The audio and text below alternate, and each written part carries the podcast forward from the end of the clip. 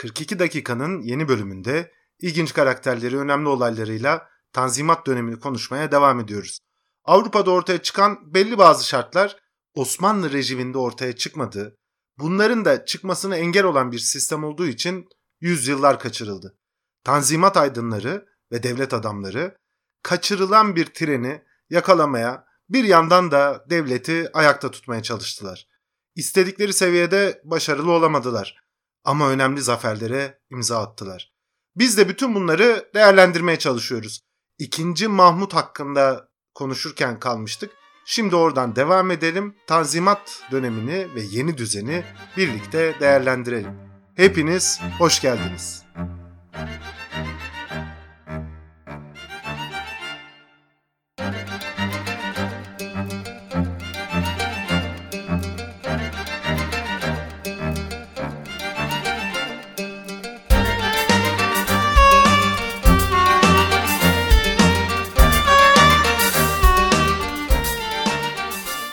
İkinci Mahmut'a neden gavur padişah diyorlar peki o zaman? Ya ikinci Mahmut'un şöyle ilginç bir hikayesi vardı ondan abi. İkinci Mahmut şimdi çok zor koşullar altında iktidara geliyor. E, biliyorsun e, 3. Selim öldürülüyor. Ondan sonra Alemdar Mustafa Paşa sarayı basıyor. Hayatta tutuyor. İkinci Mahmut orada bir, bir şey ışık yanıyor. İkinci Mahmut şunu anlıyor. Kardeşim bir tarafta ayanlar var.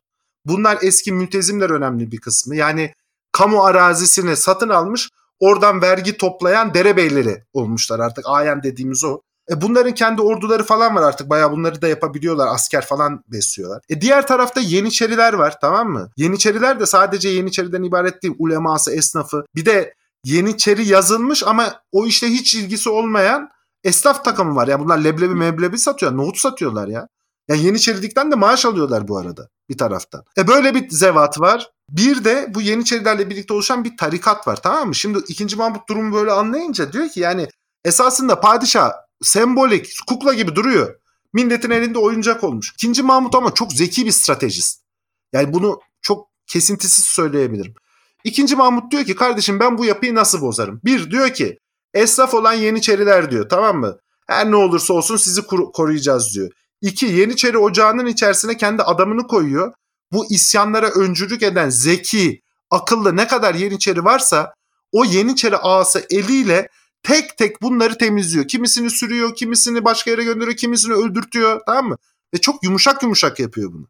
Yıllarca süre. Üç, diyor ki kardeşim bu Yeniçerilerin tarikatı sizin üstünüze baskı mı kuruyor? Alıyor yanına Nakşileri, Mevlevileri, büyük tarikatları. Bunlara da diyor ki kardeşim ben sizi destekleyeceğim diyor. Dört, ulemanın içerisine giriyor. Anlıyor ki 3. Selim reformlarının başarısız olmasının en büyük nedeni 3. Selim'in bu reformları çok kısıtlı bir grupla yapması ve ulemayı Şeyhülislam'ı dışarıda bırakması. Bu büyük tansiyon yaratıyor. İkinci ma üçüncü Selim bunları anlatmış bu arada. Bir sene birlikte hapis kalıyorlar ikinci ma. Padişahların hapis kaldığı da enteresan tabii. Bunu da hani bu arada geçiştiriyoruz ama tarihi anlamak açısından bu çok önemli. Yani şeyde hani bu Osmanlı'yı anlarken bu detayları ben önemsiyorum. Yani bir yandan da o padişahların e, daha şehzadeyken yaşadıkları o psikolojik baskı, bunların belirli dönemlerde gerçekten 13 yaşında çocukken daha tahtta indirilip çıkartılması. Yani Osmanlı gerçeği biraz da o. Biraz değil baya baya o. Ya o yani Osmanlı'da şehzadeysen de huzur ve mutluluk içerisinde yaşamıyorsun yani. Özledikleri, anlattıkları sistem bu. Padişahın oğlu ol sürekli diken üstündesin. Neyse dur şunu bitireyim. Şimdi ikinci Mahmut oturup diyor ki kardeşim kısıtlı bir grupla böyle e, bu işi sürdürmek yerine Nizam-ı Cedid'le aynıdır 2. Mahmut'un projesi. Daha sonra tanzimat olmuş. Nizam-ı Cedid yeni düzen demek. Tanzimat tanzim etmek. Aynı şeyi yapmaya çalışıyor. Islahat ıslah etmek demek. Aynı kelime. Sürekli kelime değiştiriyoruz. Diyor ki 2. Mahmut kısıtlı bir grupla yapınca Şeyhülislam ve ulema bize düşman oluyor. Tamam mı? Kabine, devlet adamları düşman oluyor. Kısıtlı bir grupla da yapmış. Tek başına yapacaksın. Mesela Atatürk'te de bu vardır. Kimseye söylemez cumhuriyeti kurmak istediğini değil mi? İkinci Mahmut kimseye söylemiyor. Ve hilafet makamını siyasallaştırıyor. Halifeliği e, onun kadar siyasallaştıran bir hükümdar yoktur. İlk döneminde inanılmaz bir böyle halife işte ahlaklı bilmem ne bütün o oralardan gereken gücü cebine koyuyor. Ulemayı da bölüyor. Böylece ne yaptı? Yeniçeri Partisi'ni böldü. Fakat herifin Yeniçeri'ye de ihtiyacı var. Niye? Ayanla kim mücadele edecek abi? Sen Yeniçeri'yi temizledin ayağına ne yapacaksın? En sonunda bu Yeniçeriler ve ayanlar arasındaki dinamikleri yöneterek 2. Mahmut İstanbul'da sancağını koyuyor. Diyor ki bu Yeniçeriler ayaklarınca işte iPhone'undan e, Hande Hanım'a bağlanıyor. Diyor ki ey cemaati Müslümüm artık bunlar vatanın başına musallat oldular. Bunlar büyük bir çete. İşte bunların dinle imanla da alakası yok. Şeyhülislam'ı da yanına çekiyor. Şeyhülislam'dan da bir fetva oluyor mu? Abi çat diye İstanbul halkı da peşine koşuyor. İstanbul halkı Yeniçerilerden yaka sikmiş zaten. Ya yani her tür rezillik var. Yeniçeri son döneminde Reşat Ekrem Koçu çok güzel anlatır. Son döneminde Yeniçeri sokaktan affedersiniz erkek çocuğunu ya da bir kadını alıyor. Bekar odasına atıyor, hapsediyor, tecavüz ediyor, öldürüyor. Dolayısıyla artık yani tam hamamlarda mamamlarda rezilliğin evet. bini bin para. Meyhanelerde o yani gün ortasında çocuklara tasallut ediyorlar. Bu Yeniçerileri İstanbul halkı adeta kesiyor. Büyük bir katliamdır. Ya Yeniçeriler kaçıyor diye Belgrad Ormanı falan yakıyorlar ya. O kadar büyük bir öfke var ki Yeniçeri mezarlarını biliyorsun e, yıkıp geçiyorlar. Binlerce yani binlerce demiyorum birçok Yeniçeri de Anadolu'ya falan kaçıyor. Orada yakalananlar da ölüyor. Bu arada 2. Mahmut Bektaşi tarikatına da diyor ki diğer tarikatları da beslemesi lazım ya. Kardeşim diyor gidin Bektaş tarikatının malına mülküne el koyun diyor bu FETÖ'ye yapılan gibi. Neticede bunlar da tarikatlar da güçleniyorlar tamam mı? İkinci Mahmut e, zannediyorum Mevlevi tarikatına üyedir. Bu iş böyle kapanıyor bu dosya. Yeniçeriler kapanıyor. Ondan sonra yeni ordu kuruluyor ve ayanların gücü kademe kademe geridetiyor. Şimdi niye gavur padişah diyorlar biliyor musun? Temel nedeni şu. Yaptık ya hilafet bayrağı altında Yeniçerileri de yendik her şey oldu ya. Hazreti Muhammed'in ismini orduya verdik değil mi? Ha oradan sonra 2. Mahmut bütün bu işlerle ilgisini bitiriyor abi. Nasılsa artık ordusu var, gücü var tamam mı? Takır takır takır reform projesine başlıyor. Oturup da bu ulema, şeyhülislam ne varsa hepsini fikren söylüyorum kimi zaman real olarak da döve döve yeni kurumlar kurmaya başlıyor. En son tıp fakültesini açtığında Fransızca eğitim verdiriyor ya. Franklin'in de eğitim verdiriyor. Bu tarikatlar da kendilerini kandırılmış hissediyorlar. Kıllı Şeyh diye bir tane adam var. Bu gavur padişah isminin çıkmasının nedeni budur. Galata Köprüsü'nde e, padişahı görünce gavur padişah Frank oldun diye bağırıyor. Karşı çıktıkları da fes giymek falan ha. Normal işler yani. Tıp fakültesi açılması falan bunlara karşı çıkıyor. Padişah da bu meczup diyor. Süleyman Demirel'in de benzer bir lafı vardır. Anıtkabir'de putlara tapmayın Allah'a tapın diyen bir tane adama meczup demişti biliyorsun. Fakat Süleyman Demirel'den farklı olarak 2. Mahmut Kıllı Şeyh'i sülbüyle birlikte kesiyor abi. Ya Osmanlı halifesine, padişahına gavur padişah, gavur diyecek kadar kafayı yemiş bir akımdır bu. Kadir Mısırlıoğlu falan bu, bu akımın temsilcisidir. Bunlar sürrealdir. Bunlar beladır yani. Onların ilginç bir masal anlayışı var hakikaten. Yani bu FES tartışmasında da e, hep aklıma o geliyor. Yani FES'i de aslında o zaman bir anlamda zorla memurlarına giydirttiğinde büyük bir tepki doğuyor. Aynı zamanda bu e, Rum şapkası da bu e, Ortodoks inancında da olan bir şey e, bilinen bir şey. O dönemde bayağı yadırganıyor yani bu fes takmak. Yani Kadir Mısırlıoğlu falan o dönem yaşasa muhtemelen 2. Mahmut'a falan gavur diyenlerden olacaktı yani o, o tayfa. Ya şimdi mesela Cevdet Paşa, Ali Paşa bunlar Osmanlı'nın yetiştirdiği önemli devlet adamları. Bunların hayatı Osmanlı ya. Yani Cevdet Paşa dediğin adam yani bizzat Osmanlı'nın içerisinde büyümüş Osmanlı'ya aşık inanılmaz bir adam. Cevdet Paşa ile Ali Paşa gidip de Tanzimat Fermanı'nı Osmanlı'ya ihanet etmek için e, yapmış olabilir mi? Cevdet Paşa'nın oğlu Ali Sedat Türk mantıkçısı ve fikir Osman... adamı. Oğlunu öyle yetiştirmiş. Kızı Fatma Aliye Hanım. ilk Türk kadın romancı ya. Dolayısıyla oturup da hani nasıl bu adama ihanet ettiler bilmem kendi şeyimizi yazacağız. Yok öyle bir dünya. Tanzimat insanları üzerine biraz konuşmakta fayda var. Ali Paşa dediğimiz adam mesela çok uzun süre hariciye nezaretinde bulundu. Paris Anlaşması'nda oturdu Osmanlı Devleti'ni temsil etti. Kırım Savaşı'ndan sonra imzalandı bu Paris Anlaşması. Osmanlı bütün o Avrupa vesayetine rağmen Rusya yenilmiştir Kırım Harbi'nde biliyorsun. Avrupa devletleriyle eşit düzeye çıktı çok önemlidir. Bu insanların hayat hikayelerine baktığında, bu insanların yaşamlarına baktığında günü gününe bu adamlar dünyadaki gelişmeleri ta- takip etmeye çalışıyorlar eldeki imkanlarla. Yeni ne yapsak Osmanlı'yı nasıl güçlendirsek, nasıl şey yapsak, nasıl bir yol bulsak. İşte Alman Birliği'nin kurulmasından bilmem İtalyan Birliği'ne kadar birçok olayı şey yapıyorlar. Yolsuzluklarla mücadele ediyorlar. Dolayısıyla oturup şimdi bu insanlara bakıyorlar sanki anasını satayım bunlar Osmanlı çocuğu. Kim bu Osmanlı çocukları? Kasımpaşalı Tayyip ve Şurekası. Bizzat Osmanlı'nın yetiştirdiği Dışişleri Bakanlığı'nı yapmış. Osmanlı'nın hayatta kalmasını sağlamış adamlar Osmanlı'ya ihanet ediyor. Ya olabilir mi böyle bir şey? Abdülmecit dediğimiz padişah çok önemli anlaşmalara imza attı falan filan işte şunu yaptı bunu yaptı işte Dolmabahçe Sarayı'nı yaptıran bir padişahtır vesaire. Ama aynı zamanda adam yabancı dili öğreniyor kendisini de geliştirmeye çalışıyor.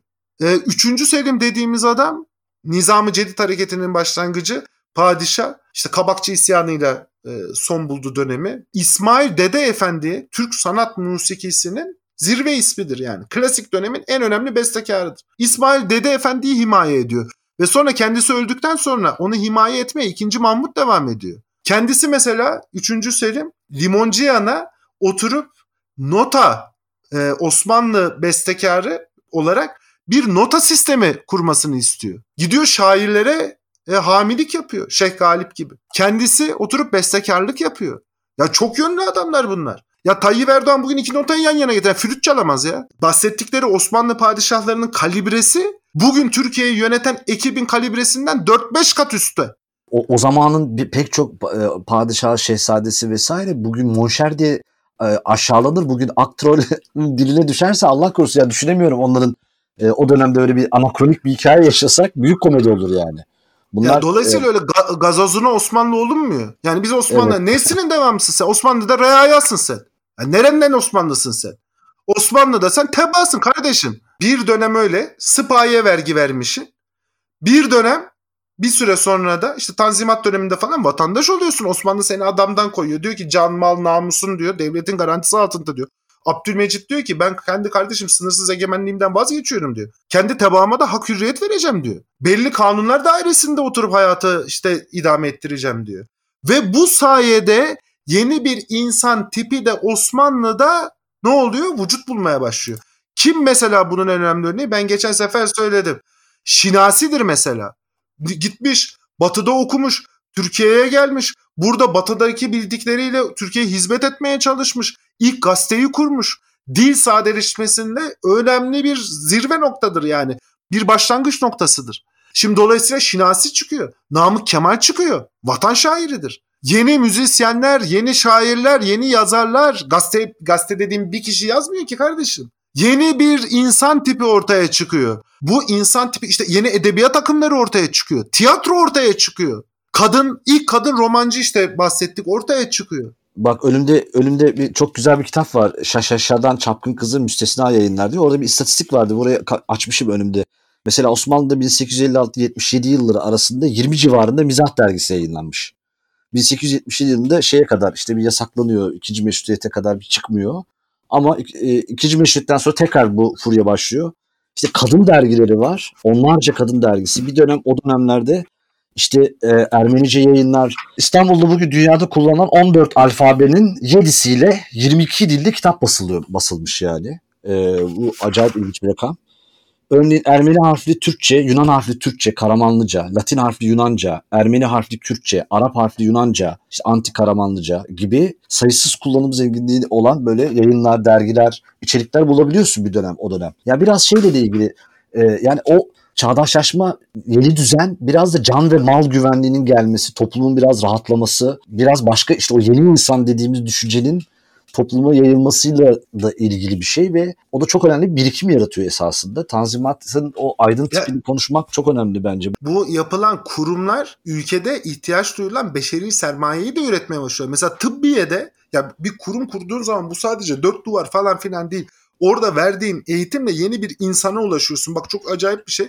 İlk böyle bu kurumlar kurulduğu zaman bu kurumlarda okuyabilecek insan bulunamadığı için 55-60 yaşında adamlar üniversiteye gidiyor ya. O, çünkü o genç adam yok onu okuyabilecek düzeyde. Mesela tıbbiyenin eğitimi 9 sene. İlk 4 senesi tıbbiyeye hazırlık abi. 4 sene yabancı dili öğreniyorsun. Temel matematik falan bunları öğretiyorlar. Çok Fransızca. Önemli. Ama sen bunu öğrettikten sonra mesela o çocuklar çok ilginç. McFarlane diye bir tane adam Türkiye'ye geliyor. Osmanlı'ya geliyor o dönem. McFarlane tıbbiyeyi falan geziyor. Bir bakıyor ki bu çocuklar abi Voltaire okuyorlar, Diderot okuyorlar. Bütün bu Avrupa'nın yeni çıkan filozofları. Hatta adam şaşırıyor diyor ki bizim diyor e, okullarımızda insanların okunmadığı şeyleri okuyor Türk çocukları diyorlar. Bak çok önemli bir şey. Ve büyük bir açlıkla yani özellikle din karşıtı işte daha deist, ateist yazarlara, filozoflara inanılmaz bilgi var falan. Dolayısıyla bu insan tipi Avrupa'ya gidiyor sonra. Avrupa'dan gel- döndükten sonra da ya fark ediyor ki ya ortada bir sorun var sorun. Ve bu adamlar bu sorunu çözmek istiyorlar. Çok acıklıdır. Bak Şinasi'nin falan yaşadıkları çok acıklıdır ya. Çok çok önemli bir aydın. Adam işte ya hürriyet kelimesini dilimize veren adamdır Şinasi. Hani yeryüzü vatanım, insanlık milletim. Şinasi'dir. Şinasi bu güzel duygularla Osmanlı'da Avrupa tipi bir e, devlet kurulmasını, insanların böyle iyi yaşamasını istiyor. Bunun için mücadele ederken bir şekilde siyasi bir takım sebeplerle dışarıda bırakılıyor. Ondan sonra Avrupa'ya kaçmak zorunda kalıyor. İşte ömrünü orada fakirlikle falan gidiyor. Bizim bu aydınlarımızda olan dünya tecrübesi eksikliği tabii çok vahim bir şey. Bu iyi niyetli optimist şeylerin böyle bu kadar kolay olmayacağını, kurumsal değişiklikler gerektiğini, koalisyonlar kurmak gerektiğini, daha büyük atılımlar atabilmek için daha ciddi, ağır enstrümanlara sahip olman gerektiğini avlayamıyorlar. Hani iyi fikir söylersem olur diye bir kafa var ya bizde. Yani evet. çok güzel bir fikrim var benim. Bunu söyleyeceğim kabul edip yok öyle bir dünya. Bu aydın tipinden de onu ilerleyen bölümlerde nasıl konuşacağız. Bu aydın tipinin hatalarından da Türkiye tarihinde en iyi ders çıkartan insan Mustafa Kemal Atatürk'tür. Mustafa Kemal Atatürk iyi fikrin değil, iyi fikri mümkün kılacak koşulların oluşturulması gerektiğini anlamış olan adamdır. Çok çok güzel bağladın. Projelendirme yani. Projeyi hayata geçirme. Yani sadece e, tasavvur etmek, zihinde tasarlamak değil, onu bir proje haline getirebilmek. Onun içinde işte muazzam bir örgütlenme becerisi, e, büyük sabırla örülmüş bir iletişim becerisi gibi bir sürü şeyler geliyor. Yani şeyi çok güzel bağladın aslında. Yani bu tanzimatla beraber gelen bu e, yeni insan tipinin oluşması, yeni aydın tipinin oluşmasıyla beraber aslında Atatürk de gökten zembille inmedi. Yani onu besleyen de böyle bir arka planda bir çağdaşlaşma dediğimiz o olgu ile beraber köklü de bir kaynak var baktığında. Peki Tanzimat'a yani e, dönecek olursak Tanzimat aslında bir bir çeşit bu sömürge devlet e, olup olmama mücadelesi gibi bir rolü de var mı? Yani bunu söylemek fazla mı olur? Yok tamamen buna yönelik yapılıyor. Şimdi Mustafa Reşit Paşa abi o zamana kadar da giden Mustafa Reşit Paşa'nın adı çok söylenir ama Mustafa Reşit Paşa İngiltere'de elçi abi ve Osmanlı'yı izliyor. Diyor ki Osmanlı teknik olarak bu arada fazla değil. Teknik olarak yarı sömürge. Babürleri Hindistan'a bir ülke el koymuş İngiltere değil mi? Çin var işte ne bileyim Hollandalı tacirler East India Company ile işte Malezya Malezya buraları falan almışlar götürmüşler. İşte İspanya biliyorsun Maya topraklarını almış. Bizim sömürgemiz bunlardan şu açıdan farklı. Biz bir ülkenin değil beş ülkenin himayesindeyiz.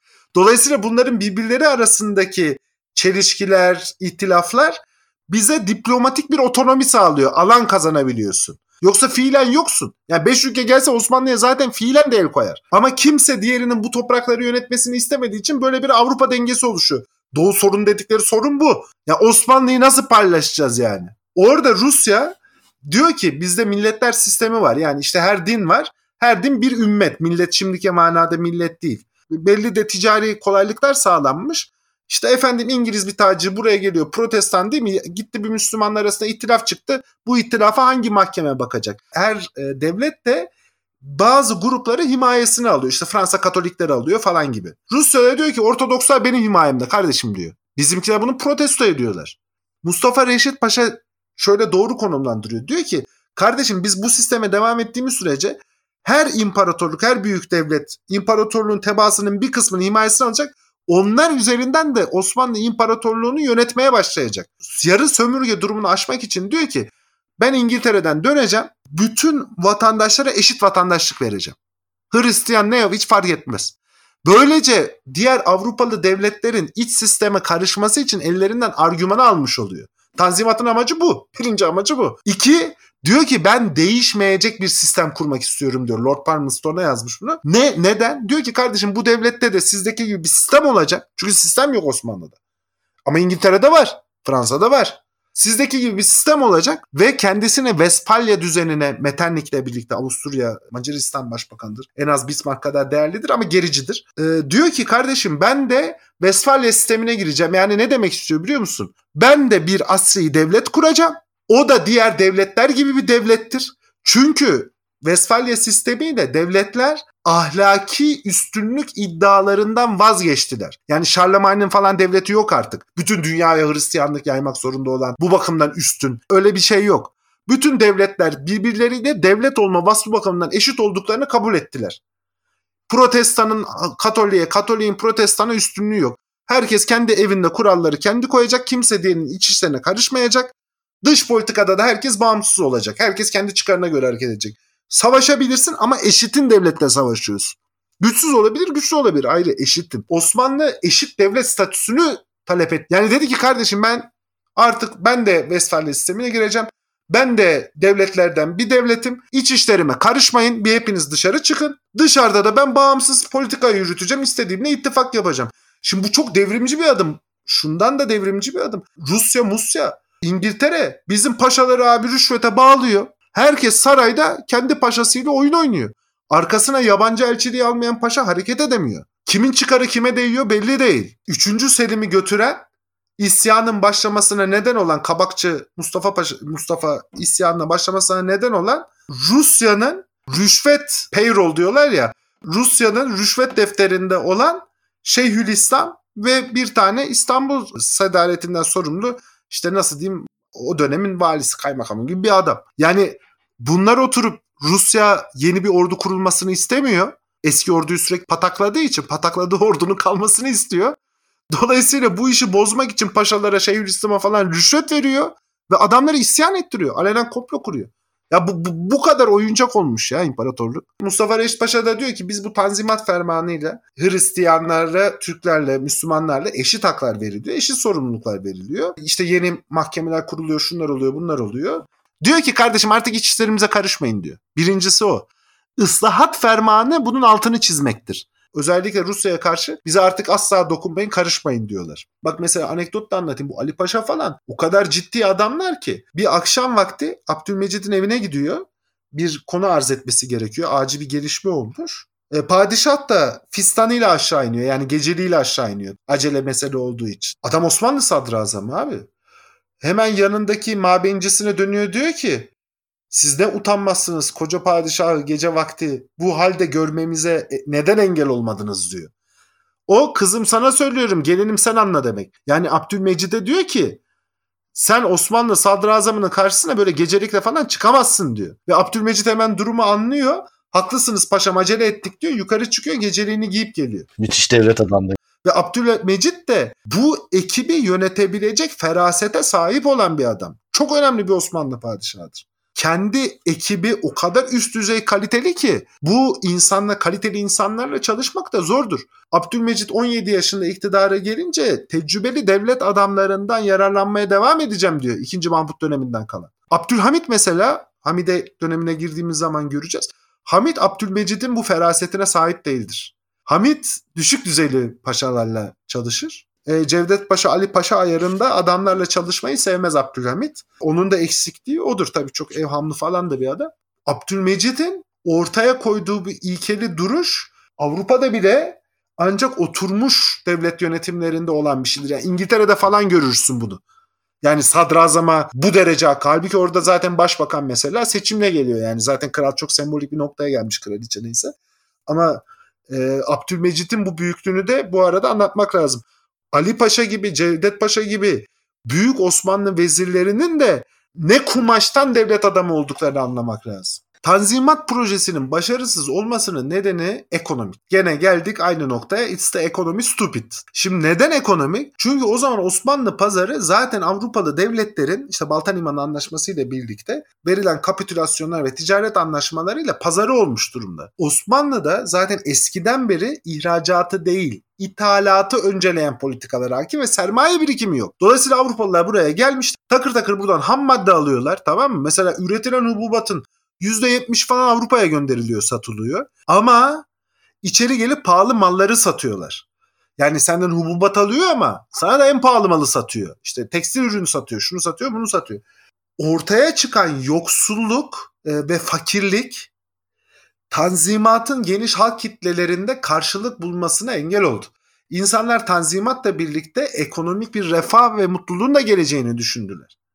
Halbuki bu gelmedi. Böyle olunca eskinin kaybeden sınıfları tanzimata karşı tabii ki diş bilediler.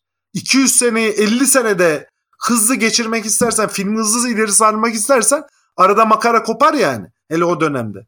Almanya'da niye kopmamış? Almanya Avrupa'nın içinde yani. İtalya İtalya şehir devletleri falan öyle değil yani.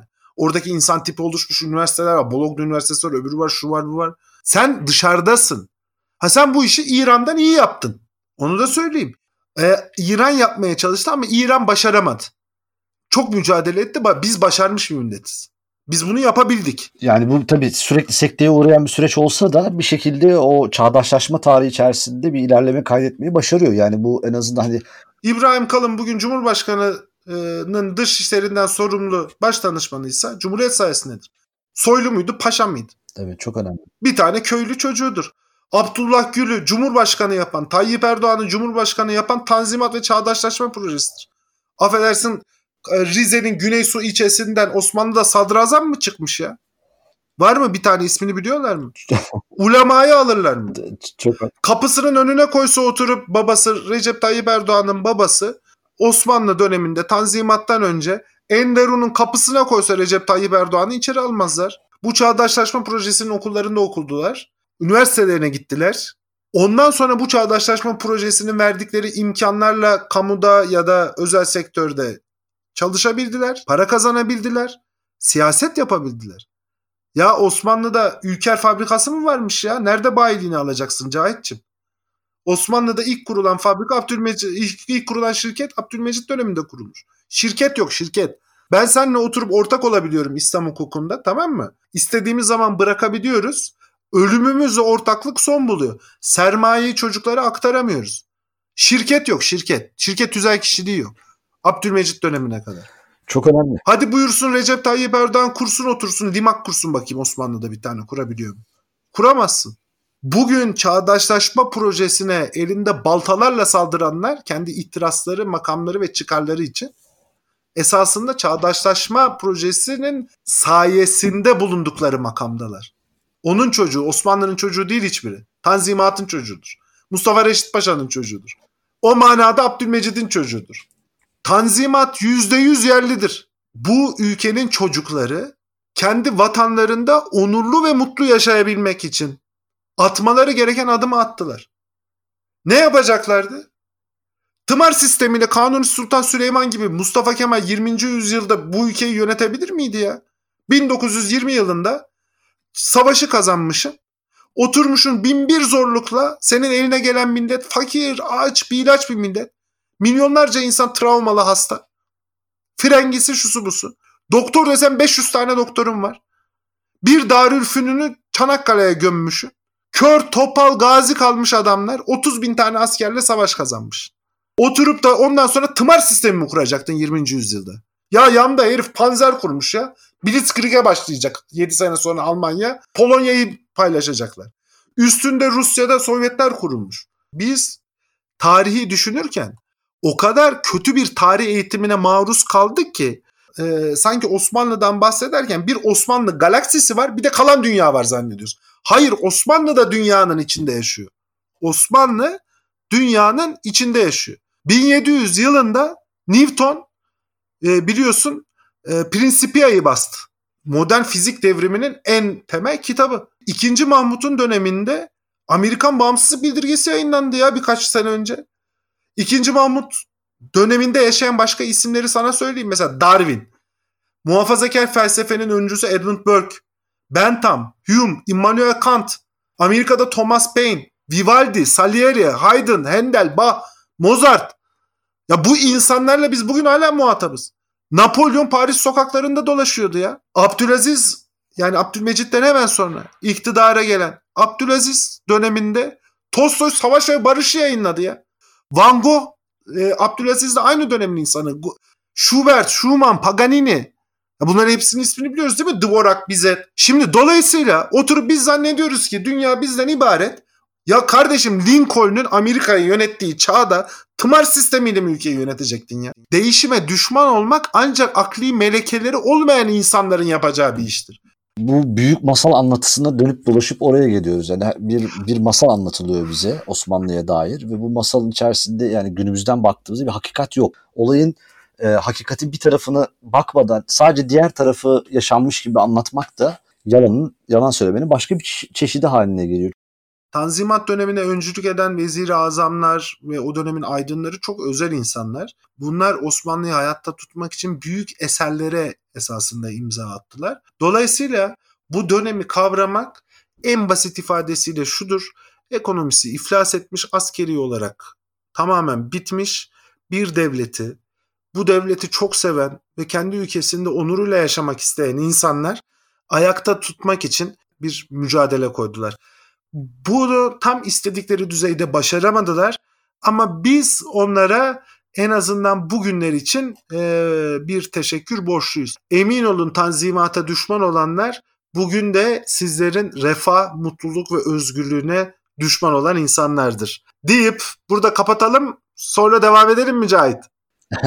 kapatalım. Bence devam ederiz sonra. Çok teşekkür ederiz bizi dinlediğiniz için. Sen de son bir şey diyecek misin Cahit? Valla çok zevkli gidiyor, çok keyifli gidiyor. Çok katmanlı bakmak, biraz büyük resmi, dönemin ruhuyla beraber anlamak çok önemli bence. Ama devam edelim.